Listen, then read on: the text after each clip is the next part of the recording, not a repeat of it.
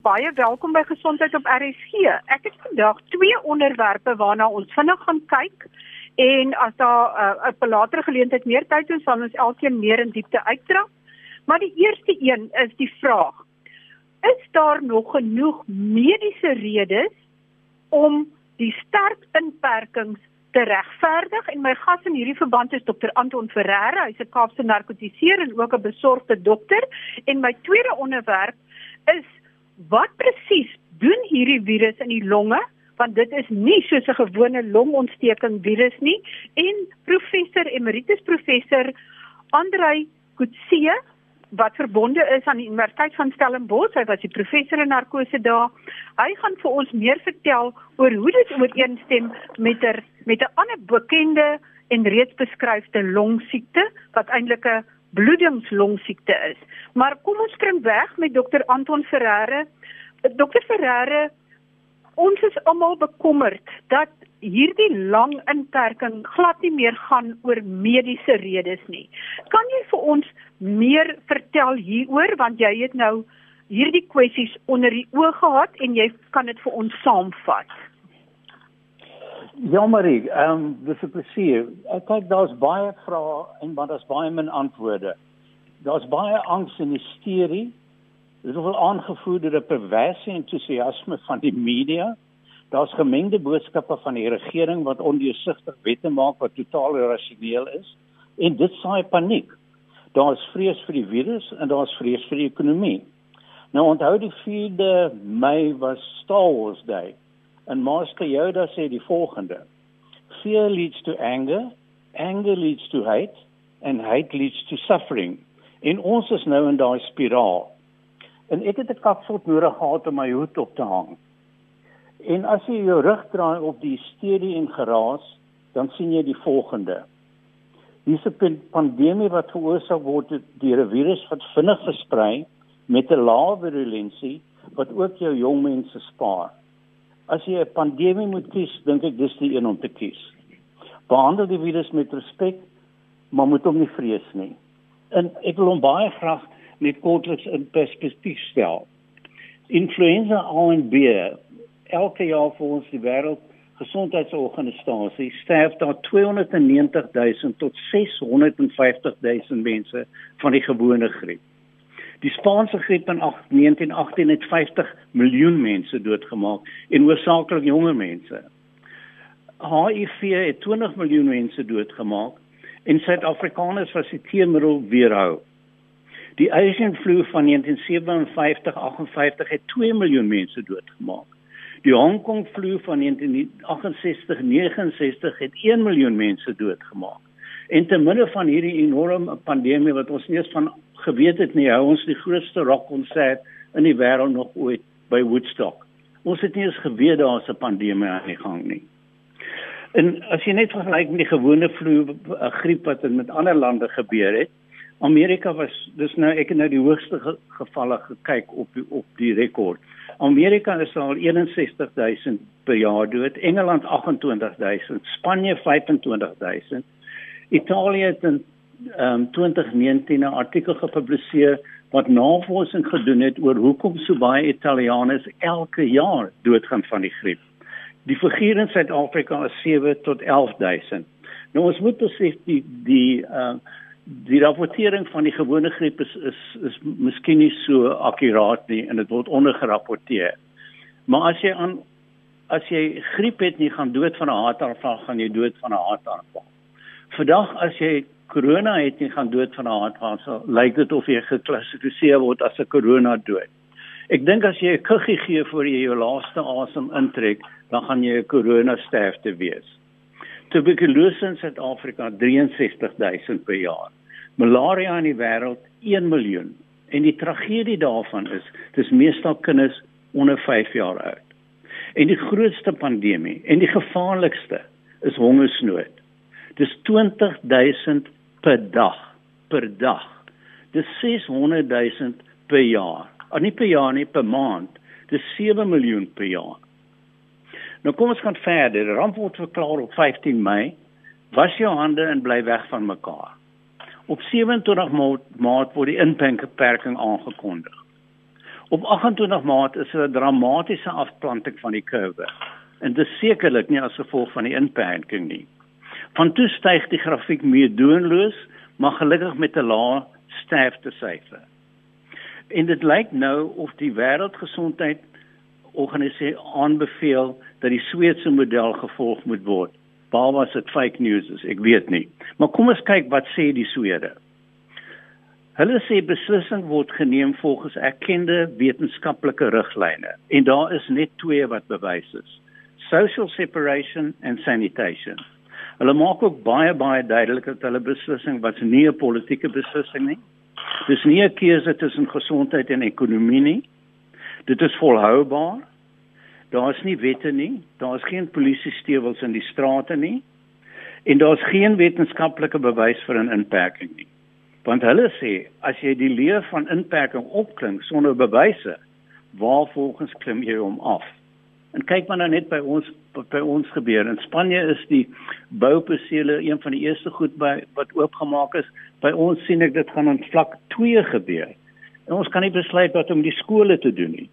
Nou moet ons die vraag vra, hoekom het ons dit gedoen? En ek dink dit is miskien as gevolg paniek. Die Universiteit van Stellenbosch voorspel 'n dodetal van 90000 tot 350000 in Suid-Afrika. Nou die politici moet iets doen, hulle is onder druk. Dieselfde gebeur in Amerika en Engeland. Ou Boris en Donald was op pad na wat ons noem 'n herd immunity, 'n algemene um, immuniteit in die gemeenskap. Nou tevore nou voor staan 'n persoon Neil Ferguson van Imperial College. Hy tree nou na vore met sy model en voorspel 204 2.4 miljoen mense dood in Amerika 500 000 dood in Engeland, 220 dood met 'n soft lockdown, 25 000 dood met 'n hard lockdown. Ou Boris en Donald is natuurlik populiste en die syfers saai paniek onder die bevolking. Hulle moet iets doen. So dit was beslis 'n politieke beslissing. Nou vir interessantheid halwe Google gerus die volgende. Six questions Neil Ferguson must answer. Jou mond gaan oop hang doen dit asseblief gerus. En hy wat die groot ondersteuning was vir 'n hard lockdown, moes nou omtrent 'n week gelede bedank omdat sy getroude minnares wat nogal baie mooi is, vir hom gaan kuier het en reg oor Londen moes reis om dit te doen. Nou kyk ons nommer 3 na die verlenging van die inperking. Die denke verander nou van 'n afplanting van die kurwe, want dit lyk my nie daar's baie van 'n afplanting nie, na 'n emosionele ons moet lewens red. Dis nou hoofsaaklik mense van my ouderdom met 'n komorbiditeit. Weereens sê die Swede, daar is geen bewyse nie en jou gesonde verstand sê dit ook. 'n Sekere persentasie van die volking moet blootgestel word aan die virus om wat ons noem herd immunity te ontwikkel. En ons ken die virulensie van die van die virus, so vooraf bepaalde persentasie van die persone wat die virus gaan kry, gaan sterf inperking gaan nie 'n verskil maak nie. Nou kyk ons hoeveel mense gaan sterf. Die regering het ook nooit 'n syfer daaraan gesit wat ek gehoor het nie. Die Universiteit van Stellenbosch sê 90000 tot 350000. Ek lees laasweek van nog 'n voorspelling, ek kan nie onthou van wie dit was nie, van 176000 voor die einde van die jaar. Die een wat my aanstaan is Pofamadi se voorspelling wat sê 46000 in die volgende 2 jaar. Nou dit maak vir my sin. As 11000 sterf van griep elke jaar of dis ons hoogste geval. En die en die corona is miskien meer virulent of versprei meer met 'n faktor van sê 2, kyk ons na 22000 mense per jaar. Nou interessant halwe, almal praat van ons moet meer toets in in ons toets nie genoeg nie en so en wat op die nasie met Ladla maak 'n baie sterk punt dat toetse moet gehou word om diagnose te maak in pasiënte wat siek is. amper 'n half biljoen rand is klaar bestee aan toetse en wat het ons eintlik bereik? Ons is 'n bietjie te laat met die toetse. Maar as jy nou te vroeg is met met met jou ingryping, dan gebeur iets nog meer interessant. En dit lyk of dit met Nieu-Seeland gebeur het. Nieu-Seeland het 1497 gevalle waarvan 1402 al herstel is. Daar was 21 sterftes. Maar as jy na hulle grafieke kyk, Hulle is totaal afgeplak. Hulle is hulle is omtrent weg. Nou die punt daarvan is, daar is geen herd immunity nie. Wat gaan wat gaan New Zealand nou doen? Hulle het oorslaag geraak, hulle daai daai virus se kop in die grond getrap. Maar hulle het nie immuniteit nie. Hulle is 'n eiland. Wat gaan gaan ons ooit weer ons vriende in Auckland sien? Ek weet nie. Nou jy kan ook nie die, van die impak praat en die ekonomie, ekonomie ignoreer nie. Jy kan nie kos uit mense se monde neem deur 'n inperking wat sonder enige wetenskaplike gronde ingestel is nie. En as daar redelike gronde is, moet die regering dit met ons deel. Tot dan ag ek die optrede nie net krimineel nie, maar ook immoreel. Nou net as 'n naskrif, ek lees vanoggend dat die Dolivera sê daar is reeds 20000 lewens gered deur inperking. Soos ek sê ons het net oor 200 dood op die oomblik. Ek het reeds my argument teen so 'n stelling gestel. Ek wil die volgende stelling maak. Ek is 75 jaar oud en in die hoë risikogroep. As hulle lewens gaan red soos hulle dit noem, gaan dit in ons groep wees. Ek dink nie hulle kan nie. Maar ek is nie 'n kind nie jy kan nie meer my lewe red nie. Ek dink nie eers jy kan my lewe verleng nie, maar indien jy dit doen, moet jy jouself vra teen watter koste. In my stelling is not in my name. Soos opsomming. Ja. En opsomming lyk dit of COVID 'n bietjie meer giftig is as die griep. Maar die syfers word alreeds bevraagteken. Maar die tyd sal ons leer en 'n jaar se tyd sal ons weet. Die besluit van inperking, alhoewel dit verstaanbaar was aan die begin, lyk al hoe meer of dit op wankelrige bene staan. Dit was 'n politieke beslissing, nie gebaseer op wetenskaplike gronde nie, as gevolg van druk van bevolkings wat paniekerig geraak het as gevolg van totale verkeerde akademiese modelle. Nommer 3 is die gevaarlikste pandemie is armoede en hongersnood.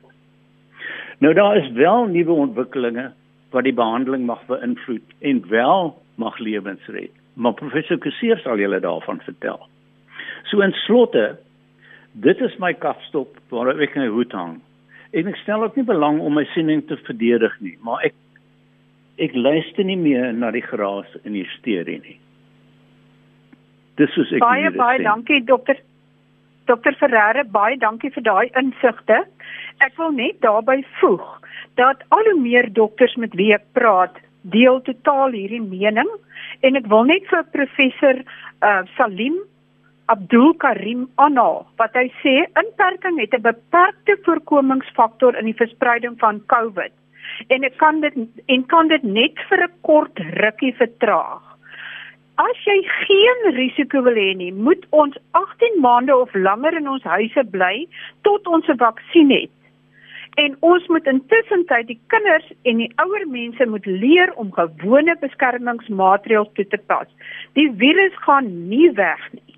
En dis dit geen doel om langer te wag om skole te heropen en sakebedrywighede te hervat nie.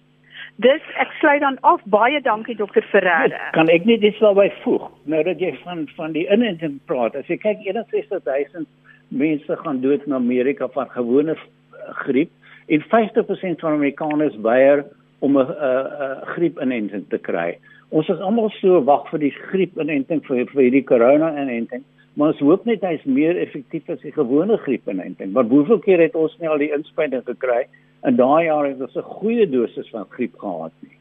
So hopelik as hulle 'n uh, 'n uh, 'n teenmiddel kry, dan gaan hy goed werk. Ja. Ja, en uh, baie dokters is ook bekommerd oor die aantal kroniese gevalle wat nou noodgevalle word. In die volgende fase van die siekte het ek verneem dat staatshospitale gaan mense met hartaanvalle 'n disprin gee en wegwys. En uh, daar's ook groot bekommernis oor immunisasie teen doodgewone siektes wat nie voortgaan nie. Dis uh ja, dis 'n baie goeie stelling wat dokter Ferreira dis daar maak. Nou skakel ek oor na dokter professor Andrei Kutse. Hy is die voormalige hoof van narkose by die Universiteit van Stellenbosch en hy het 'n baie baie interessante uh, opname gemaak waar hy die hoe die virus werk vergelyk met 'n bestaande siekte wat bekend is as ARDS en dit staan vir akute respiratoriese distres sindroom. Welkom professor Kutsie en vertel ons meer van die siekte. Uh môre meneer en luisteraars, dankie. ja, kyk, uh, kom ons koppel dit aan virusse want dit is nou die onderwerp van die dag. Uh jy kan 'n uh, virus kan vir jou 'n pneumonie gee direk wat nogal ernstige siekte is, maar nie baie algemeen nie, maar die probleem uh, in die meerderheid van gevalle is dat 'n virus soos 'n kieme of selfs 'n sering ontlok in die liggaam 'n uh, respons wat bedoel is om die liggaam te beskerm. Ons noem dit 'n inflammatoriese respons.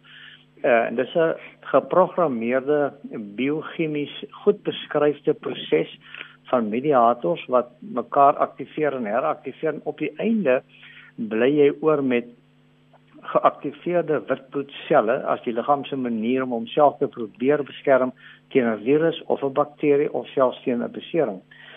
Nou hierdie uh, inflammatoriese respons het ook 'n teenrespons. Uh en die teenrespons se doel is om die inflammasie bietjie te bestuur laat dit nie hand uitdruk nie. Nou wat gebeur by sommige pasiënte ongelukkig is die inflammatoriese respons uh so erg dat dit die pasiënt siek maak. Dit tas elke orgaan aan: brein, hart, long, niere, lewer en sonder twyfel stolsel, stolling wat nou skielik 'n nuwe uitvinding is wat ek snaaks vind. Ehm uh, maar dit tas die hele liggaam aan.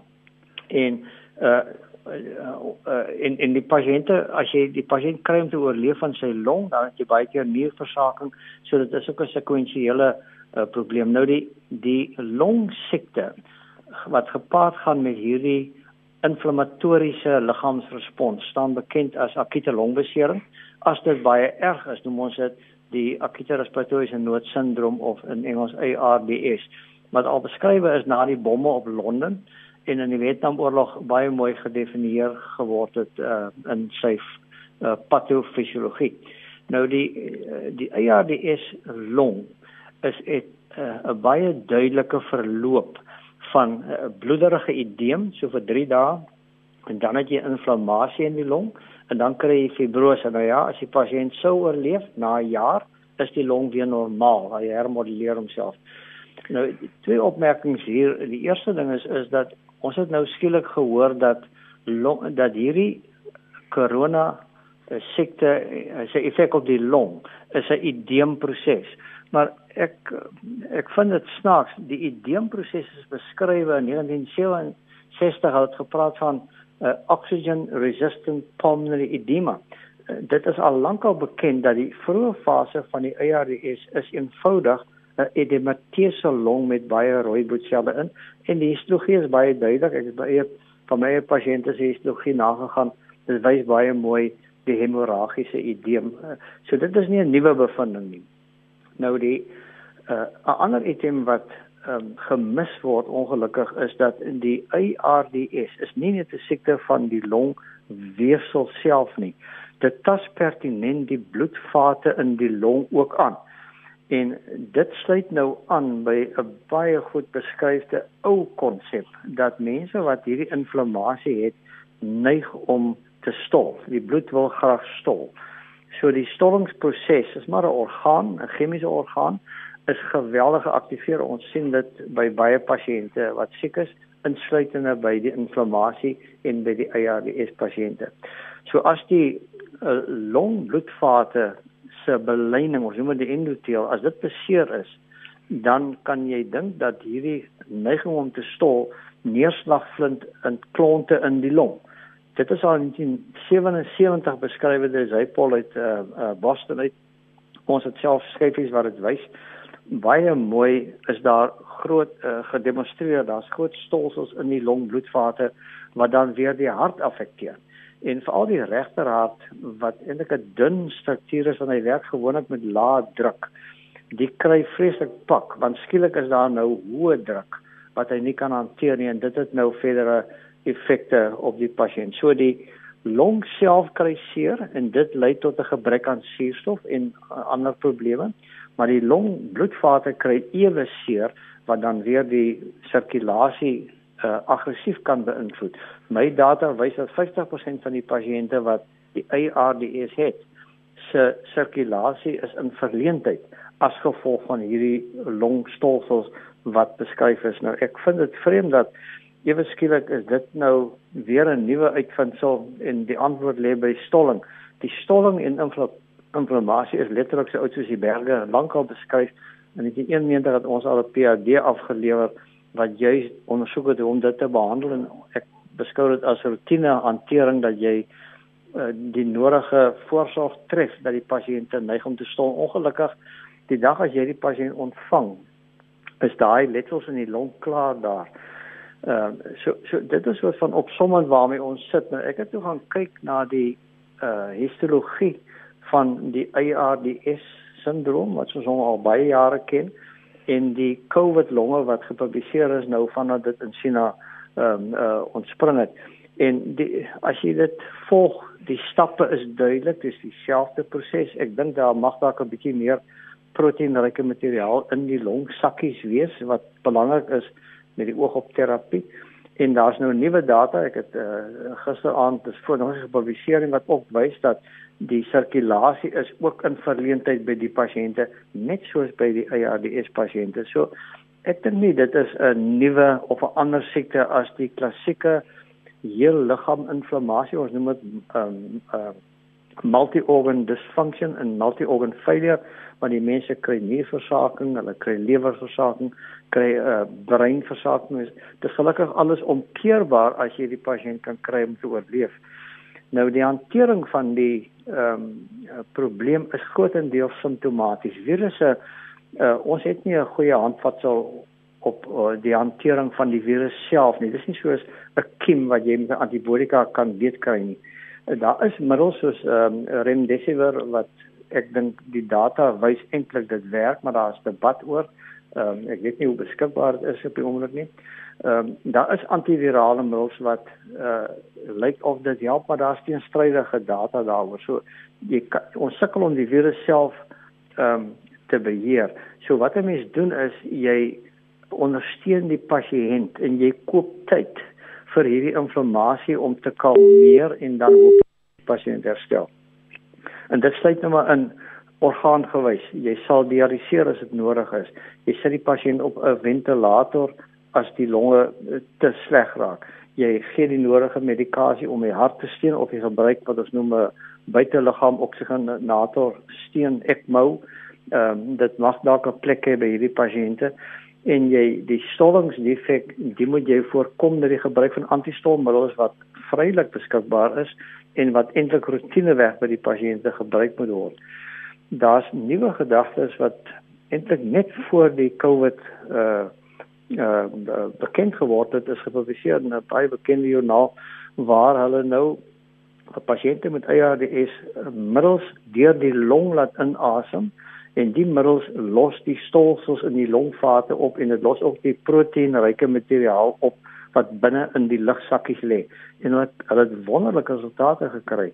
En dit is nou herhaal op drie pasiënte in in Werenbossen met baie goeie resultate in terme van oksigenasie so die punt is ons ons kan net simptomaties steun en jy koop dan tyd uh vir die pasiënt om oor hierdie inflammatoriese storm te kom en dan te kalmeer en hooplik te oorleef Professor, jy het 'n baie interessante stelling gemaak in jou lesing oor ketoconazole, 'n middel wat moontlik werk op die plaatjie-faktore en ja. maar dat dit net voorkomend kan ja. kan werk as die pasiënt in die hospitaal inkom.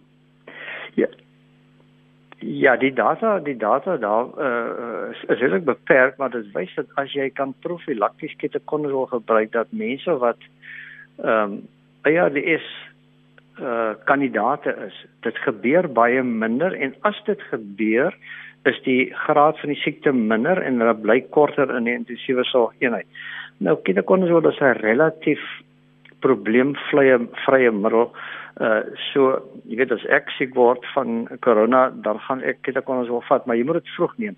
Dit dien geen doel as die proses klaar aan die gang is nie. Dis waar die dilemma lê. Die tyd wat ons die pasiënte kry, is die prosesse al ongelukkig gewoonlik aan die gang. Met ander woorde, as jy sê simptome, dan is dit eerste plek die die edeem wat opbou, anti-inflammatoriese reaksies wat dopgehou word, die alveoliese se uh, gedrag en dat daar suurstofreiling kan wees en ventilasie, maar ek verstaan dat ventilasie is nogal 'n uh, tricky of 'n uh, uh, ja. moet baie noukeurig gedoen word. Ja, die die ventilasiestrategie is 'n baie interessante onderwerp. Die probleem met die ARDS is as jy kyk onder 'n mikroskoop dan sien jy dat nie al die lugsakkies is ewe aangetast nie. Nou jy kan in jou geestesoor dink 'n lugsakkie wat baie siek is, ehm um, uh, is uh, uh, uh, as jy hom vergelyk na die een langs aan wat waarskynlik wat miskien minder siek is. Die ouetjie wat minder siek is, is meer vervormbaar sê ons. So as jy ventileer, dan sal hy neig om meer uit te sit as die baie siek lugsakkie. En as hy baie uitsit, dan skeur dit en dan lek daardie geaktiveerde witbloedselle en proteïenryke materiaal in daai lugsakkie in en hy word ook siek van inflammasie. So as jy nie reg ventileer nie, kan jy die siekte uh versterk. Jy maak dit erger. Ehm um, so so dit is die ventilasie van die pasiënte het 'n paar ehm um, punte wat 'n mens voor moet uitkyk uh en dit kan by tye baie moeilik wees. Net as moenie 'n fout maak daaroor nie. As die longe baie styf is, uh dan kan die ventilasieproses baie moeitevol verloop. Baie baie dankie professor. Dit klink of ek beslis weer met jou moet gesels, maar dat die belangrikste aspekte nou net oorgedra is in hierdie kort gesprek en ek gaan ook 'n skakel opsit op RSG se webblad na jou lesing toe uh en dan vir spesiale aandag vir dokters. Maar baie baie dankie vir die insigte en gelukkig is dit darm die kleiner persentasie van mense wat die siekte kry wat dan met hierdie erge probleme sukkel of is dit verkeerd? Ja, nee nee gelukkig eh uh, die die minderheid pasiënte eindig in die hoë sorg of intensiewe sorg en nog 'n kleiner persentasie daarvan eindig op ventilators. Eh uh, so godse dank dit is die dit is 'n klein groepie, maar dit reflekteer natuurlik die ernstigheidsgraad van die siekte so uh, uh van selfsprekend is die pasiënte meer siek en die risiko is noodwendig ook groter baie baie dankie. Dit is beslis nie 'n siekte wat ek wil kry nie. So ek sal alles in my verboë doen om dit nie te kry nie. Ehm um, ek gesels volgende week weer gesondheidsake. Alles alles van die beste tot dan en bly veilig en bly gesond. Totsiens. Totsiens.